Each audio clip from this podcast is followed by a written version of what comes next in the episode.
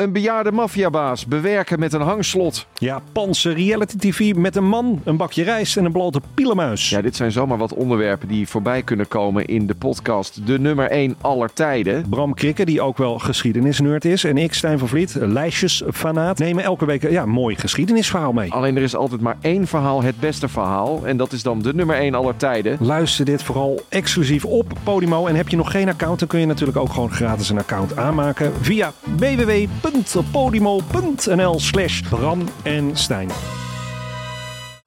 Hoe werd het shirt van het onbeduidende Venetia FC een van de best verkochte voetbalshirts van de afgelopen jaren? Wat is er zo geniaal aan de MLS-deal van David Beckham? En waarom vinden we het normaal dat jeugdspelers gezien worden als investeringsobjecten? In de podcast Grof Geld onderzoek ik, Sam van voetbaljournalist, samen met merkstratege Per van der Brink de macht van geld in de voetbalwereld. Wat gaat er schuil achter de wereld van sport en glamour? En wie profiteert er? Luister naar Grof Geld en hoor hoe de Skybox de staantribune beïnvloedt.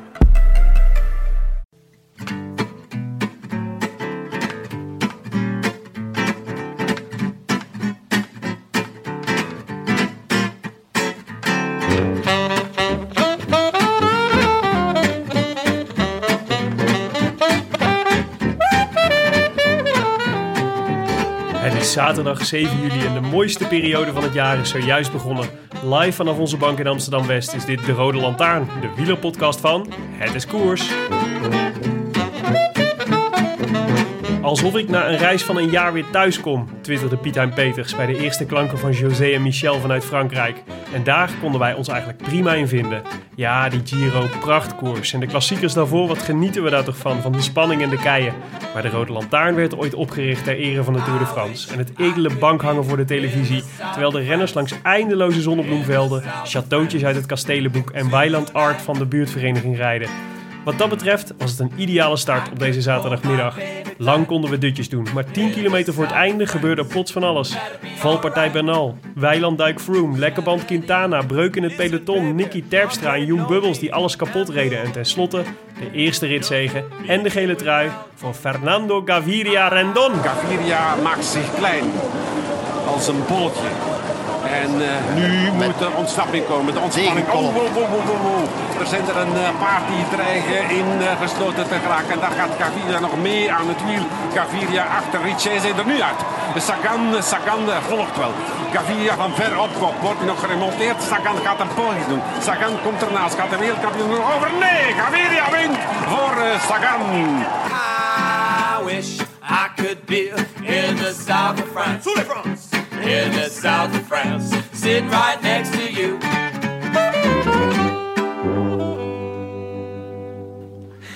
Willem, ik ben het niet eens eh, met je intro. Je suggereert even dat eh, de Giro de allerleukste koers is en dat we dit nou eenmaal moeten doen omdat we hiermee begonnen zijn. Dit is de mooiste tijd van het jaar. Ja, ik weet het. En ik weet ook dat jij, eh, jij, bent, jij bent hier de, de grootste Tour de France fanaat van ons, eh, van ons twee. Dat, Ja. is, dat is algemeen bekend, Tim. Ja, oké, maar ik moet voor de balans natuurlijk even recht trekken. Ja. Ik keek er echt ontzettend naar uit. 7 juli, je vergeet het gewoon niet. Je onthoudt het de hele tijd. Ja. Je denkt leuk hoor, dat WK. Maar 7 juli? Hoe stond jij vanochtend op? Nou, ik was wel verheugd, want ik dacht en voetbal nog vandaag. En de, de, de Tour start. Ja. En dan een Het beetje sloot zo... ook echt prachtig op elkaar aan.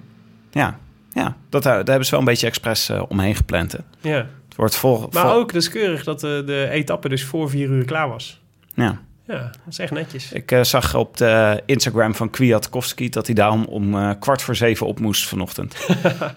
dat vond hij niet zo leuk. eh, die Instagram, volg jij, oh, jij volgt hem ook op Instagram. ja. Ik had gisteren zijn voorbeschouwing ge- ge- bekeken en toen heb ik echt heel lang gedacht dat het zo'n... Ken je nog André van Duin, die als eerste begon met die mock-ups, dat hij een soort van het pratende mondje van Ruud Lubbers alleen zeg maar liet bewegen en dan de rest van zijn gezicht stil was? Vind je dit?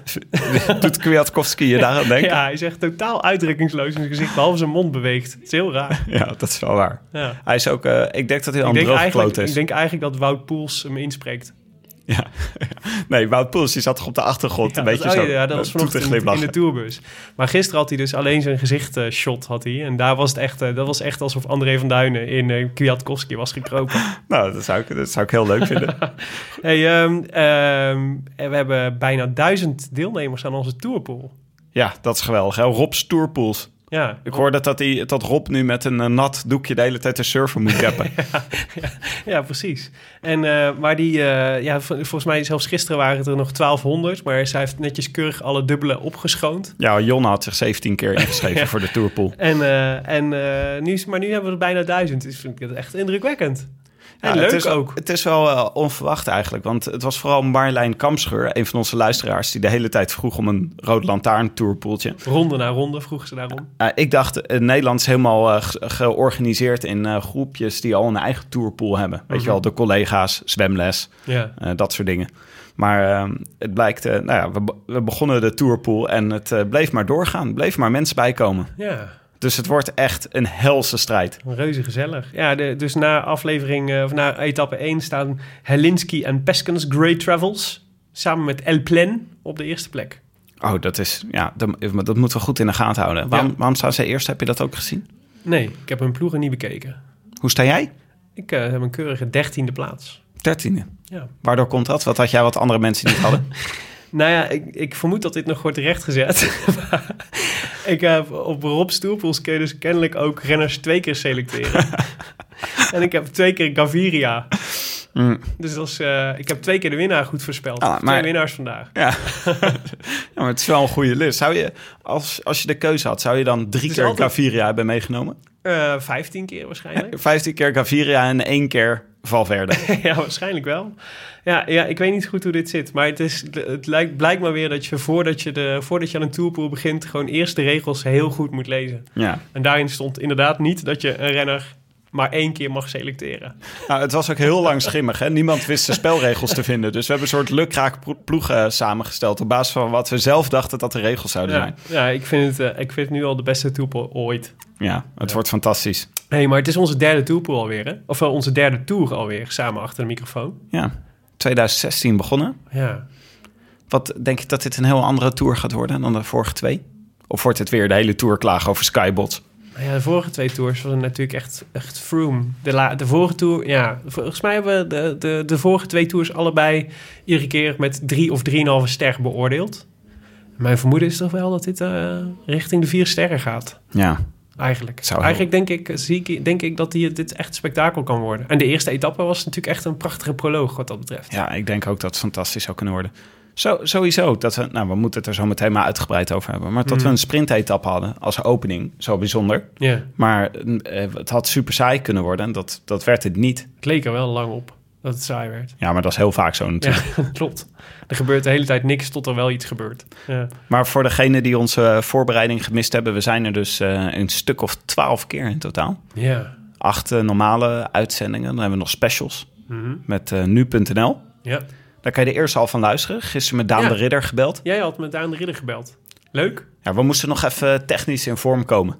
Dat is best wel ingewikkeld, want je wil niet gewoon dat geluid van je telefoon, weet je wel, dat Ja. belgeluid. Dat is Ja. super lelijk. Ja. Maar hij zit in zo'n hotel met super veel journalisten die allemaal wifi gebruiken en allemaal proberen een rustig plekje te vinden. En tegelijk WK te kijken, te livestreamen met z'n allen. Ja. Ja. Oh, dat was ook wel leuk trouwens, want hij vertelde dat eh, het, het, eh, de tour kijken al die journalisten natuurlijk op de schermen bij de finish, die daar gewoon overal rondhangen. Ik dacht dus altijd dat die journalisten allemaal in die auto's zaten met een bloknoot achter het peloton. Oh, ah, met z'n allen. Ja, met z'n allen in een bus. nee, maar dat ze allemaal echt in het peloton zaten. Ah ja, ja. Nee, ze, rijden, ja ze rijden toch gewoon van het ene perscentrum naar het andere uiteindelijk. Zo'n Ja. beetje. En dan een beetje rondhangen bij de start en bij de finish, volgens mij. Eigenlijk doen ze niet zo heel veel anders eh, dan wat wij doen. Maar ja, dan op locatie. Nee, ja. Maar je had hem gevraagd, behalve bij de start en de finish dus. Want dan moeten ze achter die renners aan. Want dat had jij hem volgens mij gevraagd, toch? Dat hij, eh, of dat hij een van die mensen was die er achteraan, die er achteraan rende. Ja, ik vind dat altijd zo. eh, dat vind ik zo'n mooi moment als eh, je finisht en je hebt dan die journalisten die keihard achter de fietsers aan moeten rennen om als eerste de quote te krijgen.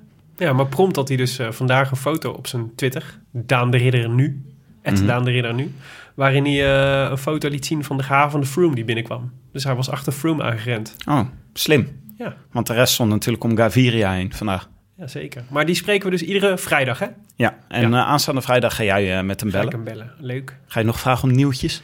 Ja, zeker. Is je favoriete Zeker. vraag aan Heb je nog iets wat nog niet op nu.nl heeft gestaan en toch een nieuwtje is? Je hebt twee vragen die je altijd stelt. Heb je nog nieuwtjes? En als je een dag een dier zou mogen zijn, welk dier zou je dan kiezen? Ja, en dat gaat ons veel leren over, eh, de, over de persoon Daan de Ridder. En over de Tour. Ook. Maar het is sowieso, het is, het is wel, ik, eh, het is wel eh, ontploft hè, met de wielerpodcasts. We hebben dit al vaker geconstateerd, maar dat was nog voordat we deze ontploffing hadden. Als zelfs Bradley Wiggins een podcast heeft. Eh, is die al uit? Maandag komt de eerste aflevering. Oké. Op met Eurosport doet hij het samen. Heb je van al die podcasts al iets, geho- iets gehoord waarvan je dacht, hier, word- hier, hier word ik echt blij van? Ehm, nou ja, ik, ben, ik, ik luister wel naar Lance Armstrong altijd. Mhm. Die is er dus nu voor de tweede tour. Ja. The Move heet hij. ja. Hij heeft even geen stages meer. Ik begrijp dan nooit waarom die... Nou, volgens mij is het omdat hij van bedrijf, van uitgever gewisseld is. Ik vermoed Ah. dat het daar iets mee te maken heeft, dat hij van naam moest wisselen. Oh ja.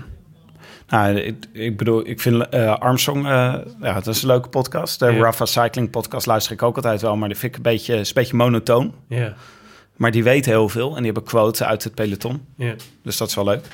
En jij? Ehm, ja, ik luister ze allemaal wel. Eh, maar ik, ja, kijk, uiteindelijk is het het leukste als ze een beetje een eigen perspectief hebben natuurlijk. Dus dat maakt die van Laurens Stendam natuurlijk heel interessant. Want die gewoon altijd per definitie is natuurlijk super interessant om een renner te horen die daadwerkelijk de Tour aan het rijden is. Of de Ja. Giro vorige keer. Dat is gewoon hartstikke leuk, weet je. Het maakt niet eens uit wat hij vertelt. Gewoon alleen al de sfeer dan dat hij in zo'n hotelletje zit te bellen... en dat je weet dat hij net een massage heeft gehad... en chagrijnig is omdat hij nog, geen, nog niet ontbeten heeft... en wel, eh, en wel eh, 100 miljard calorieën heeft verbrand al de Ja. dag ervoor. Ja, dat is gewoon per definitie al heel erg... Dat vind ik per definitie heel erg leuk. En ehm, Mijn Eh. takeaway van de Laurens Dam podcast is toch wel dat hij altijd... eh, met, eh, dat hij altijd rijdt om naar de appeltaart te rijden. Ja. En om daarna een massage te krijgen. ja, Dat is toch zijn... eh, ja. Het gaat natuurlijk over het leven op de fiets en naast de fiets. Maar het Ja. is ook echt een levensgenieter. Ja, en toch vond ik dus in de laatste podcast, die volgens mij kwam die vanochtend uit. Dat was net voor volgens mij opgenomen de avond voor de start of zo. Maar dat vond ik juist heel interessant wat hij vertelde over. Dus dat ja, als je topsporter wil zijn, dat het vooral kampioen saaiheid zijn is. Dus je gewoon altijd hetzelfde ritme Ja. moet houden en altijd moet letten op je eten. En altijd, het is, hoe meer discipline je hebt, hoe beter. Maar het moet dus saai zijn vooral. Net als met een baby eigenlijk. Ja, ritme, Ritme rust, ritme, reinheid, regelmaat. en nederigheid. Nederigheid. Meer van dat soort termen. Ja. Maar eh, nee, ik, dus, ik, ik moet zeggen, ik zit nog niet zo in de wielerpodcast nu. Maar dat komt ook omdat ik nog met, natuurlijk nog met een, nou, meer dan een schuin oog naar eh eh, het WK voetbal kijk. En ik, eh, ik hou zeer van de Neutrale Kijkers podcast. Ja, Dat is natuurlijk een beetje de rode lantaarn, maar dan, eh, Ons dan op, op voetbal, op voetbalgebied. ja. Ja, ja, dat is toch wel echt tof. Ja. Toch? Ja, ik vind, ook, ik vind het echt geweldig. Jij Ja, was gisteravond ook bij een, eh, bij een voetbalavondje, toch? Brazilië-België. Ja, zij organiseren dus live avonden. En dan kan, kan, kan je met z'n allen voetbal komen kijken. En die zijn dus gewoon binnen een paar dagen zijn die uitverkocht. En dan kijken ze op groot scherm. Nodigen ze Pieter Zwart uit. Die gaat dan natuurlijk de Gegenpressing duiden. Ja. En, eh, maar het was echt heel gezellig. Echt heel leuk voetbalpubliek. Heel geïnteresseerd. Ja. En eh, iedereen zit echt die wedstrijd te kijken. En dan is er gewoon... Je kan gewoon bier in de zaal kopen. Dus eh, het is, het is tof. gewoon een beetje een feestje. En dan doen ze na afloop die podcast. Ja, En ik vond het echt heel erg leuk. Echt een heel goede manier om voetbal te kijken. ja, met z'n allen. En ik was ontzettend gestrest gisteravond bij België, Brazilië. Jij? Ja, had je dat ook? Nee. Ik had geen... Oh nee? Waarom? Nou, ik was echt een neutrale kijker, dacht ik, van tevoren. Oh, maar ja. ik voelde me heel gestrest over alles. Ja, nou, ja, ik kan, ik kan me echt heel goed vinden in... eh, in ik gun... eh, ik eh, ben... Peter Buurman zegt de hele tijd dat hij, eh, dat hij de angst heeft dat België wereldkampioen gaat worden. Ja. Die, voel ik, die voel ik ook heel Ja, erg. die, dat riep, roep jij al heel erg lang. Ja, ja, dat vind ik echt, dat zou ik echt vreselijk vinden. Volgens En mij tegelijk zei je dat twee jaar geleden ook al, toen we, met de, toen we in 2016 was met de Tour podcast op- begonnen. Echt opgelucht dat ze er, eh, dat ze er toen uitvlogen. Ja. Bij het EK. Ja. Maar die kan je dus ook nog een week luisteren, deze podcast. Neutrale Ja. kijkers. Ja, dus, ja, precies. Maar dat is ook wel echt een aanrader. Hey, en jij gaat maandag eh, Thomas Dekker interviewen nog, toch? Ja, dat is ook nog. Dat hebben we ook nog. Ja, we hebben echt een lijst huishoudelijke mededelingen, zeg vandaag. Time trial gaat. Time dus, trial. Dus gaan we een film kijken over tijdrijden? Ja, dat gaat over... ehm, Tijdrijden. wacht even, dan ben ik even zijn naam kwijt. Hoe heet hij ook weer? Ik Eh, weet het niet. Het is jou, jij moet, dit, eh, jij moet dit leiden. Ik hoop dat je dit maandag beter Oh voorbereidt. ja, David Miller. ja, ja, Miller. Weet je, weet je nog? Dat was een hele Ja, goede ja, ja, tijdrijder. zeker. Sorry, zijn naam was, moest gewoon... Je hoofd is zo dossierkast. En hij lag gewoon in de achterste dossierkast. Het duurde even voordat hij naar voren kwam. Dat is oké. Maar eh, Thomas Dekker is natuurlijk ook een eh, geweldige tijdrijder. Zeker. Eh, en eh, waarschijnlijk nog steeds. Nou, misschien nog steeds wel. Nou, nog steeds beter dan wij. Maar Het, tijdrijden is altijd voor mij zo'n mysterie waarom sommige mensen er goed in zijn en anderen niet. Want Hmm. ik denk dat, eh, dat die houding en zo, dat is toch iets wat je gewoon moet kunnen trainen. Maar dat ga ik zeker aan hem vragen. hij moet kunnen testen vooral. Dat is, ju- dat is juist zo interessant. Dus daar, over Laurens ten Dam gesproken, die dan... Die had met Sunweb ze zo'n test gedaan. En dan met een paar verbeteringen in je houding en hoe je anders gaat zitten, kun je zo 40 watt winnen. Ja. En dat is echt, eh, daar, daar, zit, eh, daar zit eh, de grap in. En ik las een heel artikel, dat zal, moet je dan ook even lezen. In, ehm, eh, waar was het nou? Eh, Volgens mij in NRC. Ik zal het, ik zal het even twitteren.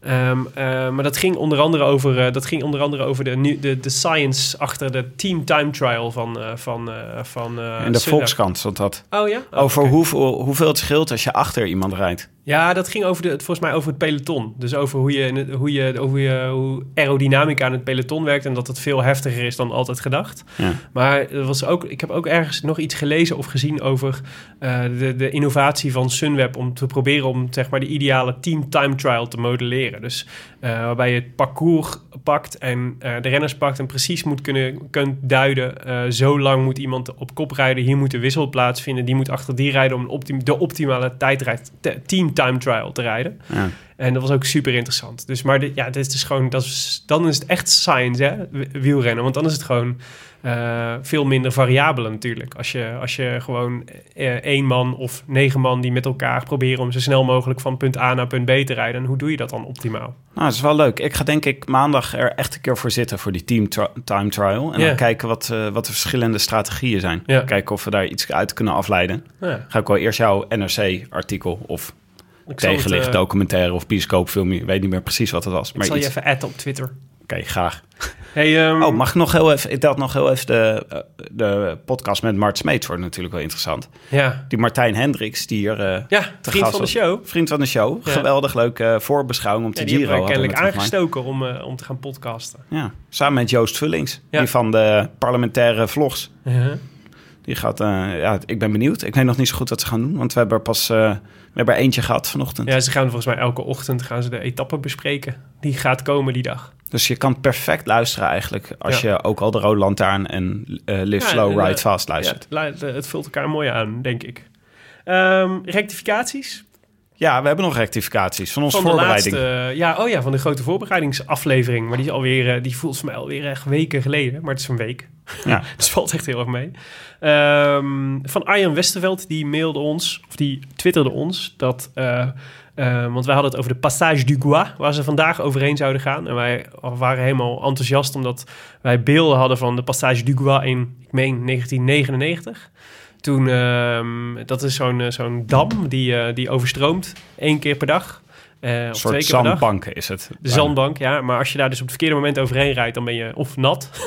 of hij is nog heel glad als je er op een iets minder verkeerd moment overheen rijdt. Maar toen was hij glad en toen gleden heel veel renners uit. En waren er heel veel valpartijen. En toen werd, ging onder andere de Tour van Michael Bogert en Alex Zule naar de vaantjes. En wij hadden gehoopt op wederom zulk spektakel. Maar wat bleek? Ze ging helemaal niet over de zandbak. Ze kwamen wel langs, eh, langs het eiland, Noirmoutier, maar niet, eh, maar niet eh, over de beruchte Passage du Gois. Dus dat was jammer, Ja. maar tegelijk een terechte rectificatie. ja, en waarschijnlijk ook wel Arjan. goed dat ze er vandaag niet overheen reden. Want het was al echt chaos natuurlijk. Ja, Dat maar is ze wel zat het was wel helemaal in het begin, hè? dus het was soort, nog een soort van toeristische attractie of zo. Ja. Het was niet echt om het, maar goed, ja. Nee, u zeker, ja. Zoals of je het over het ijs rijdt. Je moet niet, ja, precies, dat soort beetje gekkigheid. Daar, daar hoeven we, van, van dat soort fratsen hoeft de Tour het niet te hebben. nee, het is meer iets voor de Giro bedoel je. Ja, zeker. We hadden ook Evert-Jan Molema. Mhm. Eh, die zei, Lars Boom won weliswaar de kasseienrit in 2014... maar hij was niet degene die Nibali over de kasseien sleepte. Dat was namelijk landgenoot Liewe Westra. Ja, Eh, Ja. Of zijn teamgenoot helder. ook. Ja. Astana's. Astana's for life. Toen hadden ze nog een, eh, toen hadden ze nog een teamstrategie. Ja, ja, min of meer. Ja. Nou, dat, dat was toen wel heel, heel indrukwekkend van Nibali. En dat is niet voor niks. Dat is natuurlijk de reden waarom hij nu bij veel mensen eh, ook als, als ja, in ieder geval iemand die het in die rit heel goed gaat doen en potentieel toerwinnaar staat. Onder andere omdat deze rit erin zit. En omdat hij daar destijds wel echt de basis legde voor zijn, eh voor zijn toerzegen. Ja, ik ben benieuwd hoe dat dit jaar gaat met Nibali. Ja. Die moeten we opschrijven. Volgende week zondag Kasseien-rit. Later de avond de WK-finale. Ja. ja, dat wordt zo, oh, wat een prachtige sportdag. Ja, Hemel, is er ook nog Formule 1? ik zit dan de hele dag in de auto. Echt een goed moment. maar dat is echt de Zo wereld. zit jij de hele dag in de auto? Ja, ik moet uit Duitsland terug naar Nederland rijden. Oh. Maar weet je, Kan je de, dat niet een dag later doen? nou, maar de wereld is echt veranderd, Willem. Er is namelijk, doordat je nu overal mag roamen, Ja. kan je ook overal gewoon op je Ziggo-app of op je NPO-app, kan je gewoon wielrennen kijken. Maar je moet autorijden, Tim. Ja, maar Willem, dat is, ja, nee, dat is waar. Maar ploegleiders kunnen ook toch tegelijkertijd de fiets repareren en eh, naar beneden rijden met 120 km per uur. Ik ben hier geen voorstander van. Nee, ik, Laat zit- dat gezegd ik zijn. zal zorgen dat ik niet zelf achter het stuur zit. Oké, dat is goed. Maar ja, dat wordt dus echt wat een geweldige dag. Oh, mijn hemel. Dat soort sportdagen. Ja. Ja. Hey, ehm, ik eh, kijk eh, met een verlekkerde blik naar de natjes die jij hebt meegebracht. ja, we moeten het even hebben, inderdaad, over de natjes. Want we hebben een bijzonder natje, en, of bijzondere natjes deze reeks. Ja, deze tourreeks. Deze hele tour. Ja. Nou, wij hebben natuurlijk onze, onze vaste sponsor is eigenlijk eh, Shimano. Hè? Ja. En we, we zijn nu voor de tour hebben, hebben een eh, samenwerking met Brouwerij de Molen. Uh-huh. Oftewel Brouwerij Dumoulin. Het zijn, het zijn biertjes die gemaakt worden op de, op de boerderij van de broer van Tom Dumoulin in Frankrijk. nee, eh, Brouwerij de Molen is echt een eh, beroemde Nederlandse brouwerij. Want je hebt namelijk je hebt een ranglijst die heet Rate Beer. En daar kunnen echt zo die fa- bierfanatici, die kunnen biertjes eh raten. Raten. Ja, dan heb je een soort ranglijst, een soort ATP-ranglijst. Mhm. En eh, Van de beste biertjes of de beste brouwerijen en zo. ja, maar de beste biertjes gaat het vooral om. Ja. En ehm, de Nederlandse contender is toch wel altijd... Willem, je wil hem al openmaken. Ja, ik ben zie, heel je zit gewoon. Ja, ja, Ja. ik snap het. Maar het, Ik zal even wachten. maar het is natuurlijk een fantastische sponsor voor ons. Want zij, ehm, eh, zij- wij hebben altijd een natje voordat we beginnen aan de koers van die dag. Zeker. En eh, Brouwerij De Molen die gaat ons deze hele tour van speciale biertjes voorzien. Die dus altijd hoog staan in die rate beer. Dus het zijn eh, per definitie ranglijst. uitstekende natjes die we gaan krijgen. Ja, precies. Ja. En eh, we hebben een paar hele leuke dingen met ze. Dus we, eh, we krijgen elke, elke aflevering hebben we andere biertjes. Ja, ik zag echt twee, of drie enorme dozen hier in de gang staan. Er zijn 72 bier- bieren bezorgd bij ons. Wow. Flesjes bier. Maar eh, de luisteraars kunnen ook die biertjes bestellen. Ja, En eh, toch wel het pronkstuk uit het eh, bierpakket is eh, de bier die we nu eh, samen met hun eh, op de markt hebben gebracht. Namelijk de Young Bubbles. Dit is echt waar, hè? Het is echt waar. Wij, dit zijn, wij, zijn, wij zijn Bob Jongels fans natuurlijk van het eerste uur. Omdat hij ooit Dumoulin hielp in een cruciale etappe in de Ja. Giro die Dumoulin later won. Ja, En we noemen hem altijd liefkozend Young Bubbles. Mhm. Dat doen volgens mij wel meer mensen. zeker. Het staat zelfs op zijn, het zelfs de officiële bijnaam op zijn Wikipedia-pagina. De Ja. Engelse versie weliswaar. De Nederlandse versie heeft hem nog niet overgenomen. Oh ja. Maar Ja, het staat op Wikipedia, dus het is waar. Ja, precies. Ja. En eh Brouwerij de Molen heeft er dus voor gezorgd dat een van hun eh, beste, populairste biertjes... Ja, eh, een, een tijdje, vooral tijdens deze tour natuurlijk, Young Bubbles heet. Mhm. En die kan je, als je bierpakket koopt van de biertjes die wij drinken tijdens deze tour... ja. dat kan je overigens doen op bit.ly slash Young Bubbles. ja. Dan zit er ook een Young Bubbles biertje bij. zeker. Hoe heet die, die de, de echte winkel als je het niet via die bit.ly wil doen?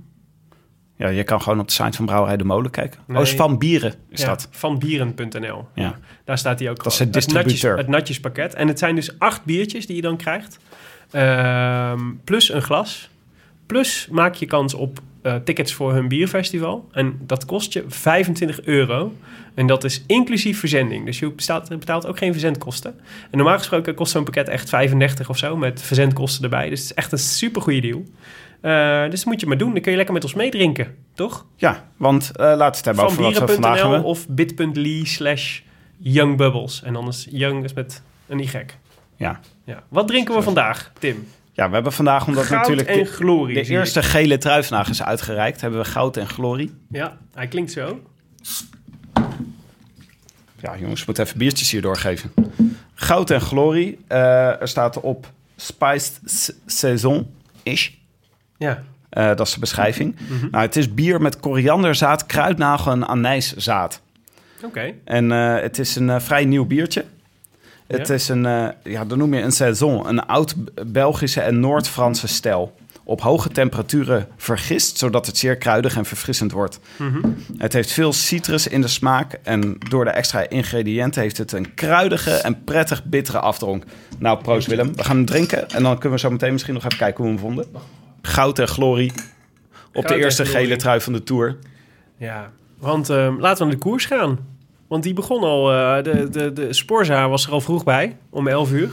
De NOS ook. Jij kijkt altijd op de NOS. Ja. Ja? Nou, toen ik inhaakte, toen waren ze er. Dus het was twee uur voor de finish ongeveer. Oké. Dus eh, ik weet niet hoe vroeg ze 's ochtends zijn begonnen. Nou ja, de Sporza was echt vanaf het begin af. Ja. Maar, ehm, Zo jammer eigenlijk, want de Grand Départ is natuurlijk altijd wel een soort feestje. Ja, maar tegelijk was het ook... Want we begonnen de koers vandaag dus niet eh, met een proloog of een openingstijdrit. Zoals wel vaker is eigenlijk. En zoals meestal eigenlijk is. Eh, maar met een rit in lijn. En rit in lijn houdt in dat het gewoon een koers is. Dus we starten met z'n allen en ze finishen met z'n allen, als het goed is. Ehm, en, en, ehm, eh, en dat betekent dus ook dat de eerste gele trui eigenlijk al... Eigenlijk iedereen dacht, die gaat naar een sprinter. Want dit was per definitie eigenlijk eh, genoteerd als een sprintersetappe. Eh 201 kilometer tussen Noirmoutier-en-Île en Fontenay-le-Comte. Zo, dat is klasse, Willem. Fontenay-le-Comte. Ja, Fontenelle komt. En eh, ja, die eh, eh, volstrekt voorspelbaar scenario, laten we zeggen, tot 10 kilometer voor de meet. Want we zagen een vroege vlucht. Met een Franse kopgroep. Eh, Cousin, Offredo en Le Danois. eh, die ehm, keurig alles onder elkaar verdeelden. Van de tussensprints tot de, de, de, strijdlustprijs en dat soort dingen. Dus dat was allemaal prima. En die keurig, geloof ik, 16 kilometer voor het einde werden, werden teruggepakt. Eh, dus daar hoeven we het verder niet heel veel over te hebben. Behalve Ja. leuk dat ze erbij zaten. Ik was vooral, ik vind, ik ben fan van Johan Offredo sinds hij ehm, eh, vorig jaar eh, heel vaak ging. Toen hij of was gro- renner van Wanty Groep Gobert. En die was vorig jaar kwam hij in het nieuws omdat hij eh, op een gegeven moment in de teambus aan het schelden was op alle andere eh, ploegen die zich telkens genadeloos naar de slachtbank lieten leiden, eh, zodat Marcel Kittel weer een, een rit kon winnen. Oh ja. Ja. Dus hij is een aanvaller. Je, je, je hij is een aanvaller, ja, hij heeft er echt een aanvallershart. Ja. Johan Offredo. Volgens Herbert Dijkstra gunden ze elkaar het licht in de ogen niet. Heeft hij een paar keer gezegd. Oh ja? De ontsnappers. Oh. Nou, volgens Michel en, eh en José viel het heel erg mee. Ja, Maar moet, goed. Het is natuurlijk bij de NOS, je moet het een beetje spannend maken. Dat is altijd het eh, devies. Nou, er waren een paar eh, ongelukjes onderweg. Hè? Dus vallen altijd mensen. Ik dacht dat uh, Lawson Craddock de eerste was die viel in de revitering. Maar jij noemde mij bij binnenkomst dat ook Antoine Tolhoek gevallen was. Ja. Die had ik even gemist. Even aangereden door een motor. Maar was Oh. gelukkig niet zoveel aan de hand. Hij zat snel weer op zijn fiets. Maar eh, toch denk ik dat dat soort kleine dingen veel eh, impact hebben. Vooral omdat je toch al zenuwachtig bent. En als je dan echt zo die zenuw in je benen krijgt, is dat toch wel moeilijk in de finale. Ja. Ja, nou gelukkig heeft hij nog eventjes eh, voordat de bergen beginnen en die echt goed moet zijn. Dus Ja. hij kan nog lang herstellen, maar het, eh, het is geen fijn begin. Maar het is een hele leuke renner, Anton. Ja, dus eh, Fantastisch. ik ben renner. heel benieuwd naar. En ik hoop dat het goed met hem gaat. Ja, nou ja, volgens mij verwachten ze veel van hem deze tour. Hij heeft natuurlijk, eh, hij heeft zijn, zijn ronde debuut is al, even- is al, was vorig jaar al. En hij heeft nu, eh, hij heeft Californië heeft hij volgens mij goed gereden. Ja. Dus, dus ja, dus we verwachten wel veel van hem als knecht voor Roglic en Kruiswijk.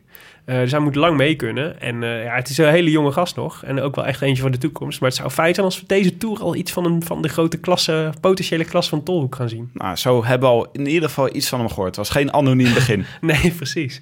Een beetje, ben je wel een beetje een Timo Rozen eerste tourgevoel. eh. Weet ja, je nog? Wordt hij onze nieuwe Timo Rozen? Nou, laten, we, hem- laten we hem bij deze adopteren als, als de zoon van de show. Antoine. Tolhoek. ja. Ehm, de, maar de eerste echte valpartij met erg was Lawson Craddock. Ja, Ehm, ook goed, altijd goed in Californië, by the way. klinkt Maar- als een personage uit Kuifje. Ja, ja, maar dat is het niet. Oh. Maar die viel dus eh, die viel in de revitaillering. Eh, en dat is zeg maar het punt in de koers waarop ze met z'n allen gaan eten. Dus dan staan al die verzorgers met zakjes langs de kant.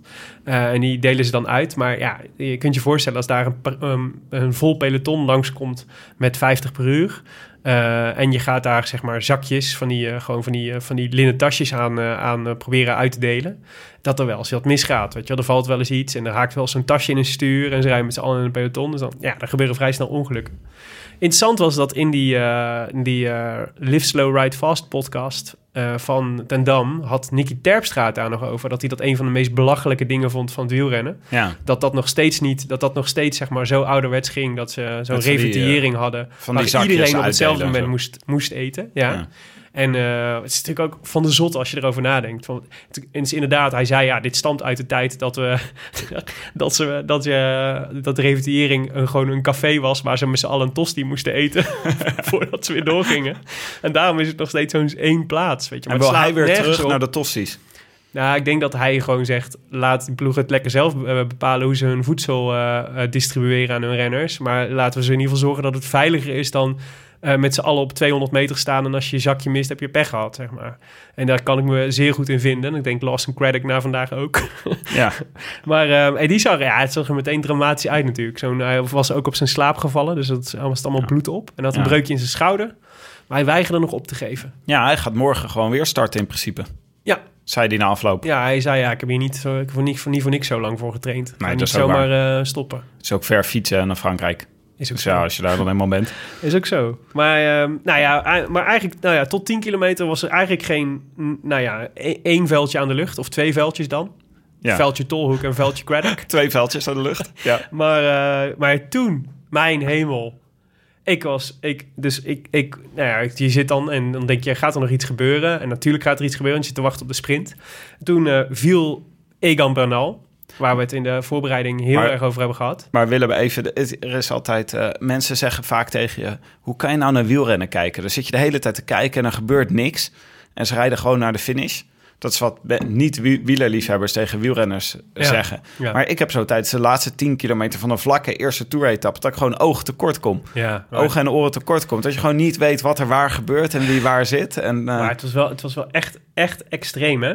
Dus eh, de- het begon niet eens, trouwens niet eens bij Bernal. Het begon met De Mare, die, eh, die was gevallen. Ja. En De Mare is natuurlijk, is, nou, laten we zeggen, niet, was geen topfavoriet voor de sprint van vandaag. Maar wel eh, de, eh, net de jongens daarachter. Dus een beetje subtop. En eh, had kunnen winnen in potentie. reed bovendien voor de Lotto Jumbo's. Ja, Die daardoor in de finale op een ongelukkige plaats kwamen te zitten. Eh, hoe bedoel je? Nou ja, dat zei eh Groenewegen zei achteraf eh, dat die valpartij, na die valpartij van de Maan, Oh, was het daar- moeilijk ja. voor hen om in een goede positie terug te Oh komen. ja, ja dat, zou, dat zou goed kunnen. Maar de, de Mare was eigenlijk de eerste. Waar, en daar keek ik dus al van op. Dus hè, er gebeurt iets, namelijk de Mare. Oh, de Mare is, is gevallen en kan niet meer terugkomen. Dit is wel belangrijk voor de rest van, de, van, het, van het verloop van het verhaal. Maar toen viel Egan Bernal. Eh, hoorden we. En Egan Bernal is gewoon, is, nou, was de prime contender voor de witte trui sowieso. Een belangrijke knecht voor, eh voor eh, Froome. En waarschijnlijk, iedereen dacht wel, die jongen krijgt, hopelijk krijgt hij nou, misschien een beetje een vrije rol. Maar in ieder geval, dat zou een, een van de revelaties van deze Tour kunnen worden. Die viel dus. Daar zagen we wel iets interessants gebeuren. Want eh Viermos zat erbij, van AG Dezer. Die zat toevallig bij hem in, de, in het groepje.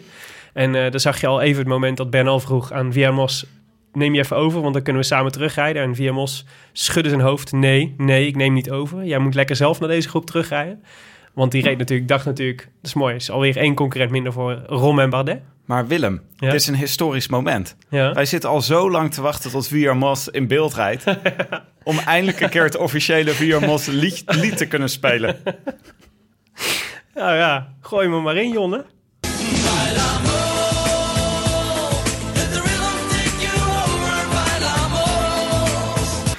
Oh, Wat een moment. Wat een heerlijk begin van de Tour, toch? ja, eindelijk. Ja, eindelijk hebben we weer... eh ja, Bijla Most. Bijla Most wilde dus niet overnemen van, eh, van, eh, van Bernal. En dan denk je, dan ben je er. Eh, eh, want eh, hè, dit is al, dit is, hier, hier kunnen we al een podcast opteren op deze, op, de- op Ja. deze gebeurtenis.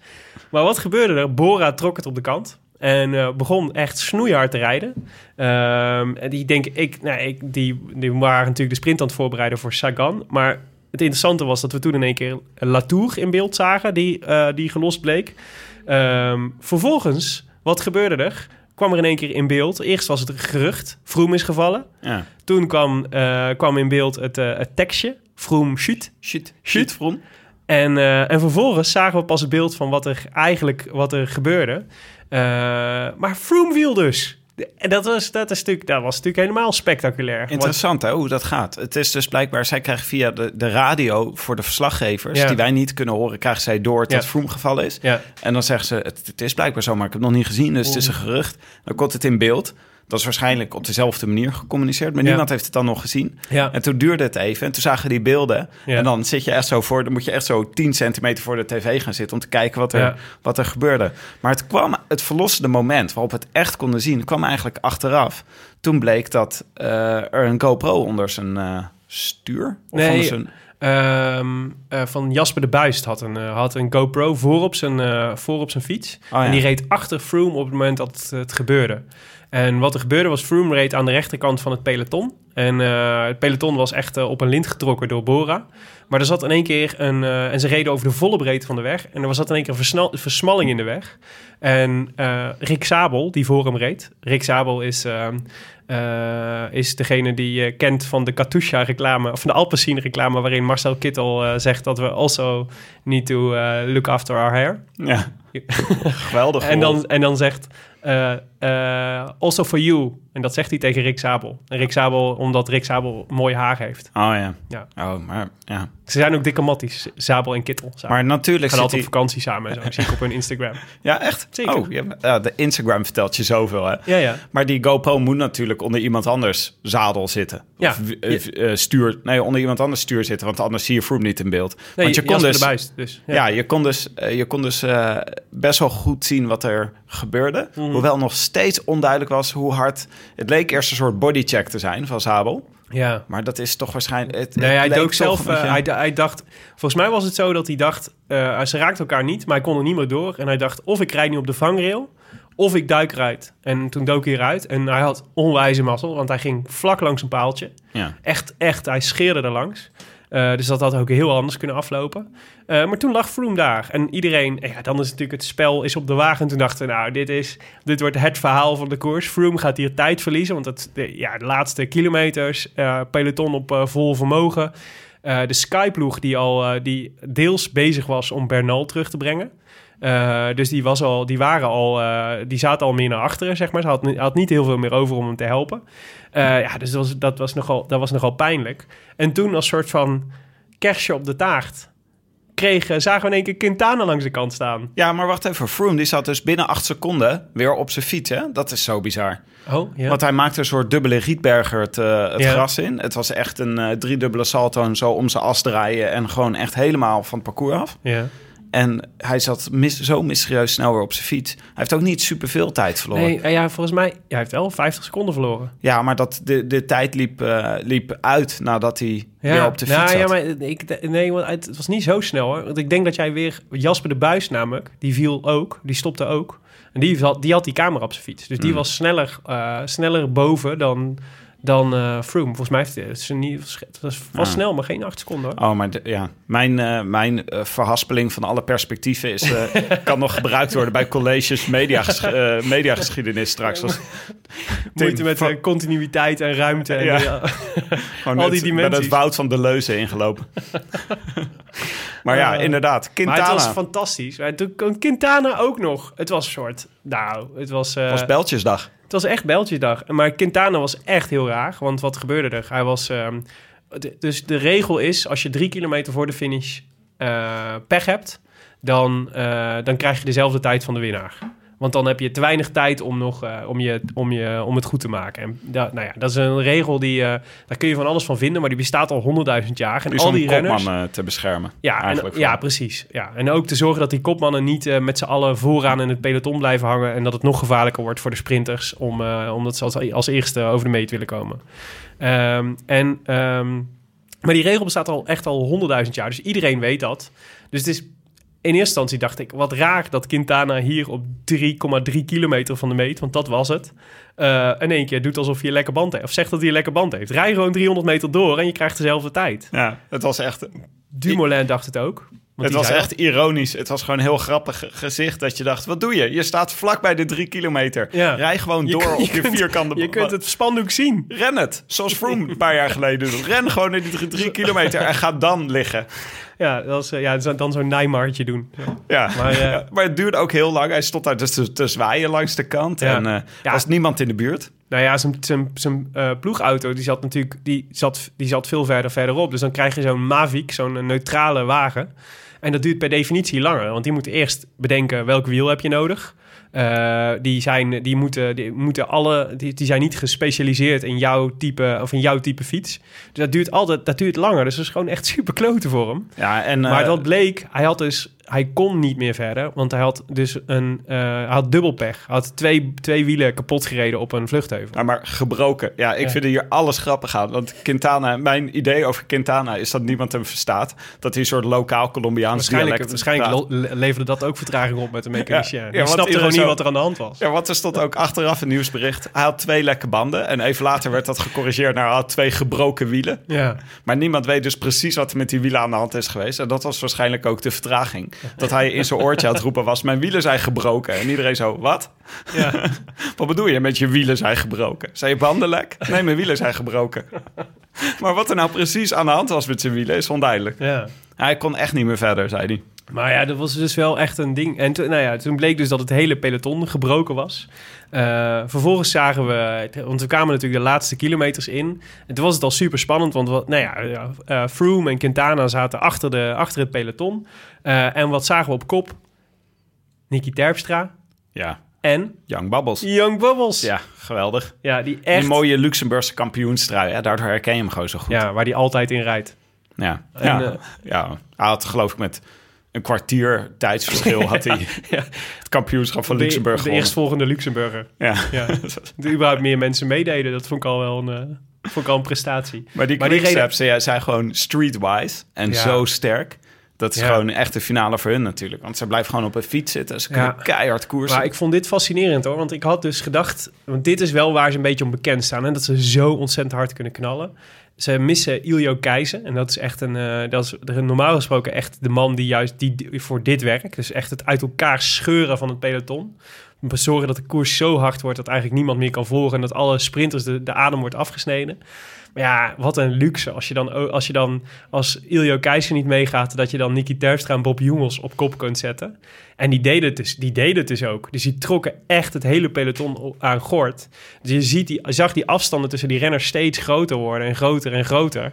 Eh, tot er maar een klein groepje meer overbleef, dat ook nog redelijk uit elkaar trok. Ja, bijvoorbeeld dus de sprinttrein van Lotto Jumbo. eh, ehm, Timo Rozen, die, die de, de lead-out voor Groenewegen was, die was nergens meer te vinden. Ja, maar zij waren die sprinttrein was naar de knoppen van eh, Lotto Jumbo. Dus Ja. het was het quickstep had Hij ook was al naar de geluk dat ze, ja, was Ja. al naar de knoppen daarvoor. Ja. En ehm Groenewegen had geen power in zijn benen, dus heeft hij ongetwijfeld ook door de, door de communicatie gezegd. Mhm. Maar wat wel interessant was aan deze finale was dat Quickstep kreeg dus voor elkaar om in zo'n ouderwets keihard fietsend lint eh, het peloton eh, naar de finish te trekken. Ja. En het is tegenwoordig steeds vaker een soort meerkoppig monster waar het peloton in verandert. Met Ja. al die treintjes die zo elkaar een beetje zo afwisselen Ja. in de finale. Maar Quickstep was hij gewoon zo dominant. ja, maar zitten daar dan ook weer met zes man voorop, hè? Ja. Het is, het, ja, het, is, het, is, het, is, ja, het is prachtig om te zien. En ik, eh, ik vind het een leuke ploeg, juist omdat ze zo gretig zijn en er zoveel leuke renners in zitten. Maar het is- jezus, wat zijn die gasten sterk. Ik vind het zo mooi dat Sagan dan gewoon tussen hun trein in gaat rijden. Die gaat gewoon... Ja. Bora heeft, deed ook wel echt werk. Ja. Maar Sagan die is gewoon van de, het slim eh, met andere treinen meeliften. Nou, hij werd keurig, eh, hij werd knap tweede, maar de winst was dus voor, voor, de, voor de man van Quickstep, Fernando Gaviria. Die eh, de verwachtingen dus gewoon meteen waarmaakt op dag 1. En eh, geel, wit, eh, groen, alleen bolletjes niet heeft. Ja, ja. ja. De- lekker. De, bolletjes trui was voor even die drie ontsnappers, Ja, toch? ja, ja, precies. Die één, één punt heeft nu.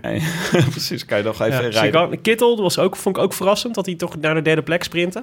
Want ik had eigenlijk eh, Kittel eh, niet, eh, niet zo hoog ingeschaald. Hoewel het verschil tussen Gaviria en Kittel wel echt zo groot was in snelheid dat ik denk dat ik me afvraag of dat, die, dat Kittel, waar Kittel hem zou moeten verslaan Ja. onder normale omstandigheden. Christophe, nou ja, die hadden we toch ook afgeschreven als een, als een als, relevante sprinter eigenlijk. Maar je wordt er ook gewoon vierde.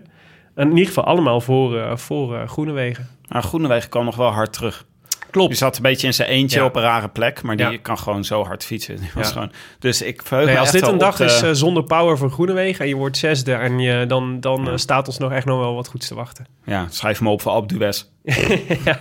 Keihard boven fietsen. Maar ja, dus toen, eh, toen alles over de finish kwam, konden we de schade opmaken. En die was niet mild, Tim, Ja, die maar- schade. Ja, het was, ook, het was natuurlijk ook ontzettend lullig voor, die, voor Froome en voor Quintana... dat ze niet goed ploeggenoten bij zich hadden. Ja. Want Quintana had ook het probleem. En daar wreekt zich toch een beetje dat ze met drie kapiteins op één schip zijn, eh, naar de Tour zijn gekomen. Daar Ja. hou je weinig knechten over. Ja. En die lagen gewoon, Ja, die werden ja, maar- opgehouden of die lagen erbij. Maar wat moet je nog doen op 3,3 kilometer voor de streep? normaal, als gesproken, je... normaal gesproken rijdt Rogas in de buurt van Quintana. Ja. En dan moet Rogas fietsen inleveren Ja. als er iets gebeurt. Dat Ja. wordt gewoon zo georganiseerd Ja, in de ja, ploeg. dat hadden ze moeten maar doen. Rogas zat er niet bij. Ja.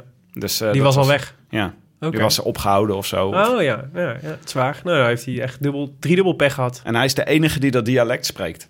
dus ja, niemand... eh, Die weet wat Quintana bedoelt, überhaupt. Ja. En Nee, voor de rest, wat is eh nou de ja, schade? Ja, nou ja, laten we met het goede nieuws beginnen. Dumoulin zat keurig in eh, groep 1. Met eh, een aantal Sun, andere Sunweb jongens. Matthews die reed gewoon keurig top 10. Volgens mij werd hij zesde of zevende. zevende. Ehm, en Dumoulin was dus keurig eh, gegidst door Søren Kragh Andersen en Edward Teuns. Ja. Dus die verdienen een extra tomaatje vanavond In de, in de salade in de je? salade. Oh, Ja. zo- ja, dat is aardig van je. Ja. Dat is ruiterlijk. Twee extra calorietjes. Maar ook het eh, tijdperk Mollema zat er ook bij. En de kleerhanger. Ja, Mollema en de kleerhanger. Ja, dus de Nederlanders hebben het gewoon ontzettend goed gedaan. Poels, had, eh, Poels en Geesink hadden zich eh, van tevoren al laten lossen. Wat laten uitzakken, want die hebben niks te winnen met, met, om in de eerste groep te blijven. Dus dat was slim. Valverde en Landa zaten er ook gewoon bij, over Mo Mobistar gesproken. Eh, maar de verliezers van de dag, nou ja, eh, de kleine verliezers, eh, nou ja, of de kleine verliezers, nee, de grote verliezers. Richie Porte, daar hebben we het nog niet eens over gehad, maar die heeft ook alweer geen vijf seconden verloren. Maar hij weet het zelf ook niet. Nee. In dat interview achteraf zei hij... Ik happen?" weet niet, ik lag ineens. ik lag ineens. ja, ja dit is wel, het is wel de klassieke Richie Porter start dit.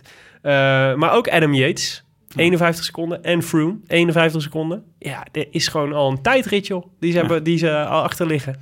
Eh, en Quintana, voor Quintana en Bernal, in mindere mate. Bernal gaat denk ik niet echt voor het algemeen klassement. En als hij het van plan was, dan nu in ieder geval niet meer. Maar die, pakken, die verliezen gewoon 1.14. Ja. Zie ik nog maar eens terug te Het is pakken. handig voor... mis- Misschien eh, is het wel handig voor de strategie van Mo- Mobistar. Dat er Ja. eentje in ieder geval nu al op achterstand staat. Dan kun je Ja. de andere met meer overgave beschermen. Ja. Ik weet niet of dat al zo... eh of de soep zo heet gegeten wordt. Ja, ik dacht dat ook, hè, want ik moet, denk natuurlijk, probeer natuurlijk alles uit te leggen in het voordeel van Alejandro Valverde. Eh, want die heb ik als potentiële, als, als mijn, eh, mijn, mijn tourwinnaar opgeschreven. Maar het is natuurlijk, dat is waar, maar het is, dit is natuurlijk dag één. En we krijgen nog acht van dit, van dit soort dagen voordat we überhaupt de bergen ingaan. Waar, alles, eh, waar het hele klassement kan worden opgeschreven. dus ja, wie weet. maandag gaat er ook wel veel verschil komen hoor. Met de ploegentijdrit. Ja, Gaan, eh, gaat Sky niet gewoon twee minuten pakken? Dan, eh, dan maakt het niet meer zoveel uit. ja, nou, vast op een paar ploegen, maar niet op Sunweb of... of Nee? Nee, niet op Sunweb in ieder geval. Hm. Nee. Guillaume Martin lag er ook bij. Dat is ook een kopman. Van Wanti. Ja. Ja. Die was ook, eh ook Ook veel 51 genoemd voor de, voor de witte trui, toch? Ja, ik Ja. had hem in mijn Nou, tourpoeltje de witte opgenomen. trui is in ieder geval voor Tisch. Dat is wel duidelijk. Ja. Eh, maar ja, dat was ja, heftig dus al meteen die eerste dag voor het algemeen klassement. Waar wij dachten dat het gewoon een, eh, een simpele sprintetappe is. Het is de Tour. Het is nooit een simpele sprintetappe. Morgen weer hoor. Gewoon op tijd voor de tv zitten. In ieder geval voor de laatste weer. 10 kilometer. Ja, zeker. Ehm, laten we naar de voorspelbokaal gaan. Ehm, ik had de Groenewegen opgeschreven. Jij had Peter Sagan opgeschreven. Jonne had Fernando Gaviria opgeschreven. Ja, die Deksels Jonne. Eh, gefeliciteerd, Jonne. Gaviria. Dankjewel, jongens. Er staat hierbij Gaviria. Ik wilde eigenlijk ook Groenewegen. Want, want ik had eerder Groenewegen opgeschreven dan kan ik jij. me helemaal niks Oh. meer van herinneren eigenlijk.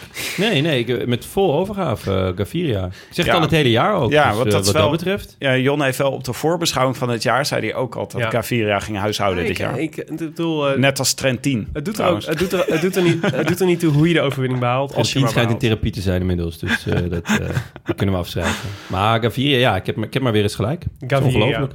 Eh, je was niet de enige. Heel veel mensen hadden Dat het meen goed. je niet. Echt? Zeker. Ehm, een rijtje. Tom Winnepst, Johan Perenboom, Saskia van Dam, Erik Slomp, Arjan Baan Hofman, Peter Vissers, Rob Segers, Roy van der Velde, Kevin Remers, Lars Kelpin, Jelme van Rossen, Erik Gruiters, Chris Kwartel, Jasmijn Kunst, Matthias de Vlieger, Jaap van de Venus, Ed Sander Anders, Arjan Dalfsen, Paul Damen en Ed JJHVE. Hadden allemaal Gaviria voorspeld. Klinkt een Allemaal beetje als... mannen een- met kijk op zaken. Het was de, het was de, eh, de één na populairste renner. Groenewegen werd nog vaker genoemd. Maar de winnaar eh, die eh, de notaris heeft gekozen is Peter Vissers. Hij wint met dank aan uitgeverij Atlas Contact een boek uit het wielerfonds van Atlas Contact. en waarschijnlijk eh, wordt dat dan eh, de gesigneerde Frank Heine, Kleine Heine. Eh, maar dan moeten we nog even regelen, dus het kan nog wel even duren. Maar eh, stuur maar vast even je, je adresgegevens door, Peter. Want dan eh, gaan we dat fixen. En wat je ook mag nu, en dat is de grote eer, is iemand de groetjes doen in de volgende show. Dit is toch wel de mooiste prijs. De mooiste prijs Als je nou ons een ooit. voice clip stuurt, Ja. dan kan je gewoon whatsappen of gewoon opnemen op je telefoon en dan ze opsturen. Zeker, Dan zenden wij je groetjes uit aan iemand. Mag aan iedereen zijn, mag ook aan Gaviria zijn. bijvoorbeeld. Ja. Of, of aan eh, de Bob. Jongels. Bob Jongels. Ehm, of aan je oma. Maar zorg in ieder geval even dat je, je, dat, we, dat je een van ons benadert met je contactgegevens. En dan gaan we dat in ieder geval regelen. Tim, hoe zien de komende dagen eruit? Ja, laten we even vooruit kijken. Ja. Eh, misschien moet ik erbij zeggen, wij zijn er donderdag weer. Ja, Eh, we gaan eerst gaan we morgen sprinten. Dan is maandag de ploegentijdrit. En dan gaan we dus naar strategieën kijken. Gaan we proberen een beetje een Pieter Zwart te doen bij het wielrennen. Mhm. Eh, dinsdag een, weer een rit voor de sprinters. En dan woensdag en donderdag wordt heel interessant.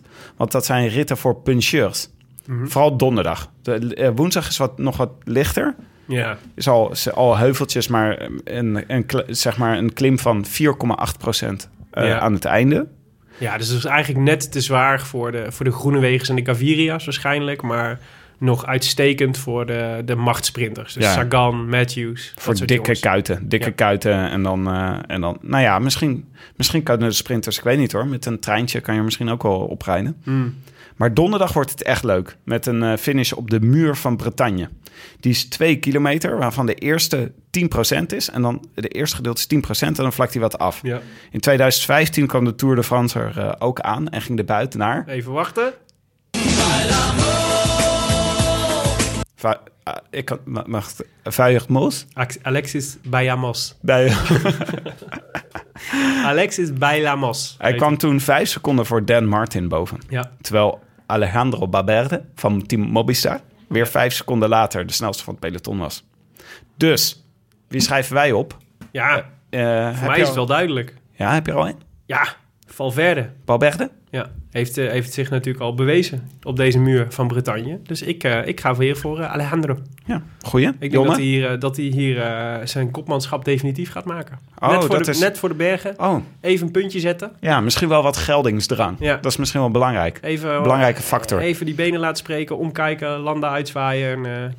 La- laten we donderdag even een hoofdstukje wijden aan eh, de leiderschapsstrijd van eh Mobistar. Ja, dat is goed. Jonne, wie denk jij? Eh, ik ga voor, eh, voor het hobbelpaard. Daniel Martin. Nou, die gun ik het wel. Hoezo is hij een hobbelpaard? Ja, als hij zo... Als, ik kan zo ouderwets aan zijn stuur trekken. Dan, ja, gaat, het zo, ja, gaat hij echt op en neer. Ja, dat werd mij eh op geattendeerd. Het Dat- dat- hobbelpaard. Ja, het hobbelpaard. Hobbelpaard. een mooie bijnaam. Ja. Ik ben, eh, ik ben Ga hem, zo groot fan. even, ga hem zo even toevoegen op Wikipedia. De Engelse of de Nederlandse? Allebei. Er blijft er altijd wel eentje staan, dat is de ervaring. Maar wie eh, Valverde is dit jaar wel ook een keer keihard verslagen in de punch door Alaphilippe. Ja. En die schrijf ik op. Is zo. En ja, zeker. Ja, jeetje. Ja, dat was ik helemaal vergeten. Ja, Verdomme. Ja. Maar Alaphilippe is zo'n grillige rijder. Het kan ook zomaar zijn dat er in de Ja. finale helemaal niet bij zit. Ja, maar weet je wat me, wat me daar dan... Want, want hij is dus dikke matties met Bob Jongels, hè? Ze gaan altijd, eh, zijn de hele tijd met elkaar samen aan het trainen. Zie ik wederom op hun Instagram de hele tijd. En, ehm, en, ze, en Bob Jongels maakte vandaag echt een, echt een hele goede indruk. Ja. Dus eh, ik denk dat Alaphilippe ook gewoon goed is. Want die heeft hetzelfde trainingsprogramma gedaan.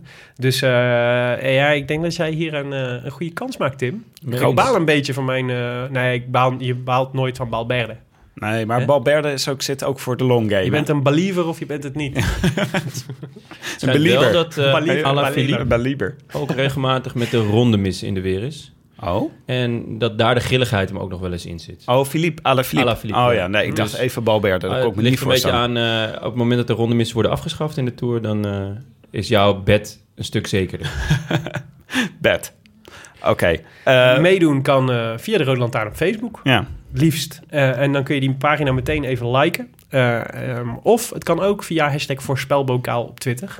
Alleen dan hebben we vaak wat meer moeite om je te vinden. Dus dan, als je dan gewonnen hebt, dan moet je, even, dan moet je wat even laten weten. Dat komt omdat Twitter die, uh, gaat de resultaten sorteren. Dat is een beetje irritant. Ja. Dus als je dan op die hashtag klikt, dan zie je niet ja. gewoon een lijst met nee, alle uitslagen. Ja. Dus hoe, liever Facebook, maar Twitter mag ook. Dat was hem voor vandaag. Eh, even wat vonden jullie van die eh, eh, goud en glorie? Nou. Eerste gele, gele trui. Ehm, Helemaal niks mis mee. Ik ben wij- Lari. Helemaal niks mis mee. Ik vond hem heerlijk. En het, ge- nee, ja, ik vind hem ook heel lekker eigenlijk. Ja, dat zegt nee. Ik moest even, ik moet er even aan wennen. Want ik heb namelijk de hele dag, nou niet de hele dag, klinkt het een beetje heftig. Ik wou zeggen, ik heb de hele dag al wijn gedronken. Maar ik had bij de pizza die ik hiervoor had gegeten een wit wijntje gedronken. Dus dan heb je al een, hè, een bepaalde Oh ja. smaak in je mond. Dus we moeten even wennen aan de omschakeling. Maar ik moet zeggen, het is een puiken IPA. Had vorige keer eh, dat we opnamen, had je ook al de hele dag gedronken. Moeten Ja. we ons zorgen maken?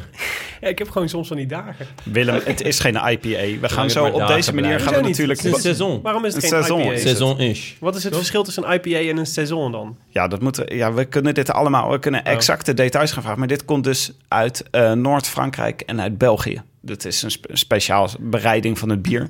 Maar het is, eh, ik vond het wel eh, opvallend. Er zit- Er zit dus korianderzaad en kruisna, kruidnagel en als, eh anijszaad zit erin. Ja. En daardoor gaat het alleen maar meer naar citroen, een beetje citroenachtig Zal ik, nog smaak. een zal ik nog een leuke anekdote over kruidnagel vertellen?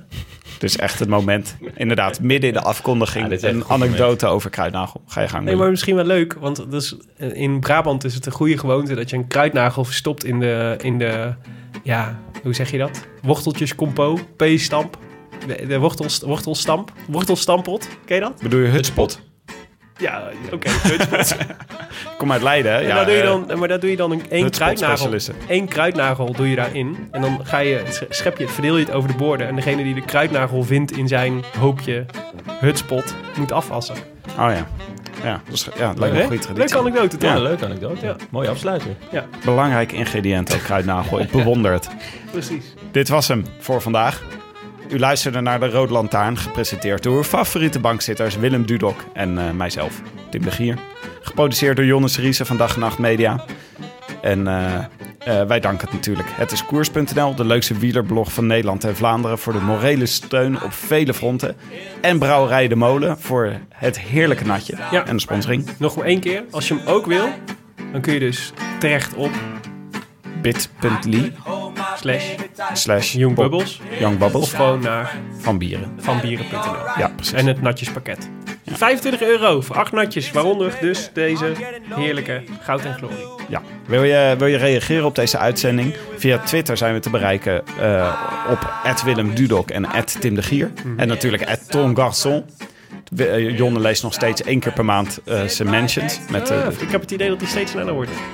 Ik Ja, heb uh, afgelopen week heb ik twee Ah, keer gekeken. Aardig wat Klopt, webcare ja. gedaan voor, eh Webcare, voor ja. Rob's Tourpools. Ja, Oh, Rob ja. Soepels. Ik, ben, eh, ik sta, inmiddels heb ik echt een heel innige band met Rob. Rob, als je dit hoort, kopje omhoog, jongen.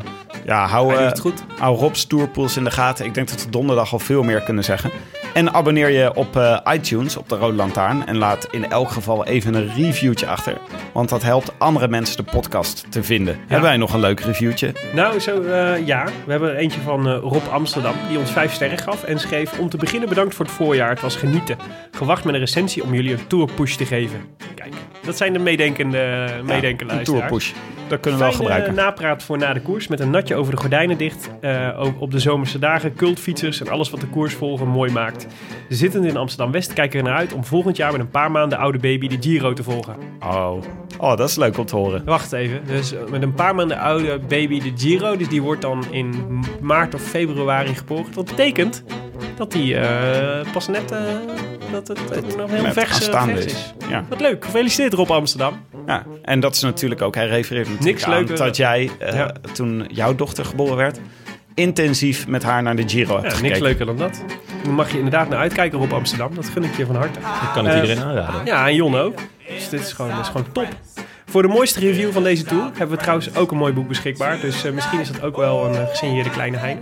Ehm, hoe dan ook, wij zijn er donderdag 12 juli weer. En eh, na afloop van de Muur de Bretagne, eh, met hopelijk dus een overwinning voor Balberde.